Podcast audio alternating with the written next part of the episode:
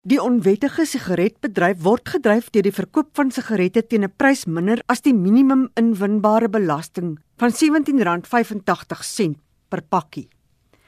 Die 2018 nasionale tabakmarkstudie deur Ipsos gedoen, toon dat 80% van die sigarette as 'n enkel item teen 50 sent elk verkoop word. Na gevolge die studie word die Gold Leaf Tabakmaatskappy daarvan beskuldig dat hy meer as 3 kwart van die onwettige sigarethandel bedryf beheer. Volgens die uitvoerende hoof van die Tabakinstituut, François van der Merwe, kan die handelsnaam ook in supermarkte gekoop word. Die skokkende syfer is dat vanjaar word beraam dat omtrent 8 miljard onwettige sigarette in die land verkoop sal word. Dit beteken dit is meer as 1 miljoen pakkies per dag en dan 75% van al hierdie onwettige handel kom van een vervaardiger af wat in Suid-Afrika vervaardig wat deur SARS geregistreer is. Die maatskappy wat verantwoordelik is vir hierdie massiewe volumes is GLTC, dis Gold Leaf Tobacco Company. Hulle fabriek is hier en hulle is selfs geregistreer en gelisensieer deur SARS. Die grootste hoeveelheid verkope is uit die Spaza winkels in die informele nedersettings waar rokers vra vir 'n sogenaamde loose draw of 'n enkele sigaret.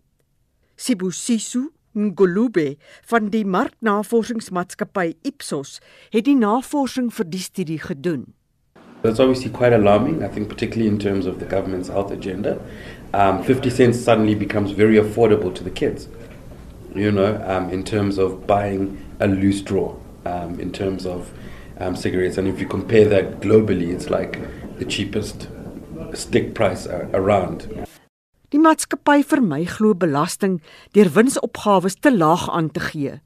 Die Tabakinstituut, bekend as TISA, sê hy het die Suid-Afrikaanse Inkomste Diens van die belastingvermydingspraktyke in die onwettige tabakhandelbedryf ingelig. Dit het daartoe gelei dat die SAID-projek Honey Badger begin is. Martisa beweer dat die projek gestop is nadat die geskorste kommissaris Tom Moyani by die diens aangestel is. Van der Merwe voeg by dat die onwettige tabakhandel in die kern van staatskaping beweringe is. Tomoyane, daar was instruksies gegee dat geen verdere ondersoeke gedoen moet word nie.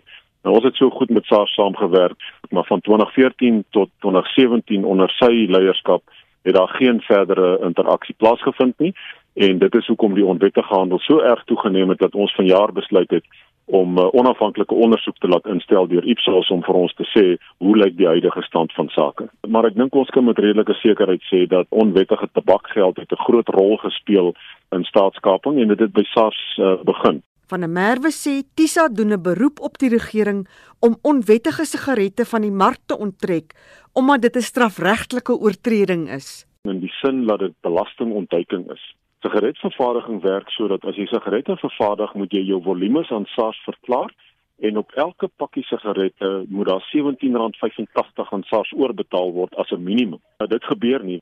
So as 'n vinnige oplossing het ons vir SARS voorgestel, sit onmiddellik SARS amptenare in alle fabrieke om seker te maak dat die volumes wat geproduseer word verklaar word aan SARS en dat SARS al sy belasting kan kry en dan sal dit nie moontlik wees om sulke spotgoedkoop sigarette uh, op die mark te plaas nie. François van der Merwe is die uitvoerende hoof van die Suid-Afrikaanse Tabakinstituut. Hierdie verslag is met die hulp van Tsepo Mongwai van ons ekonomiese redaksie saamgestel. Mitsi van der Merwe, SAK nuus.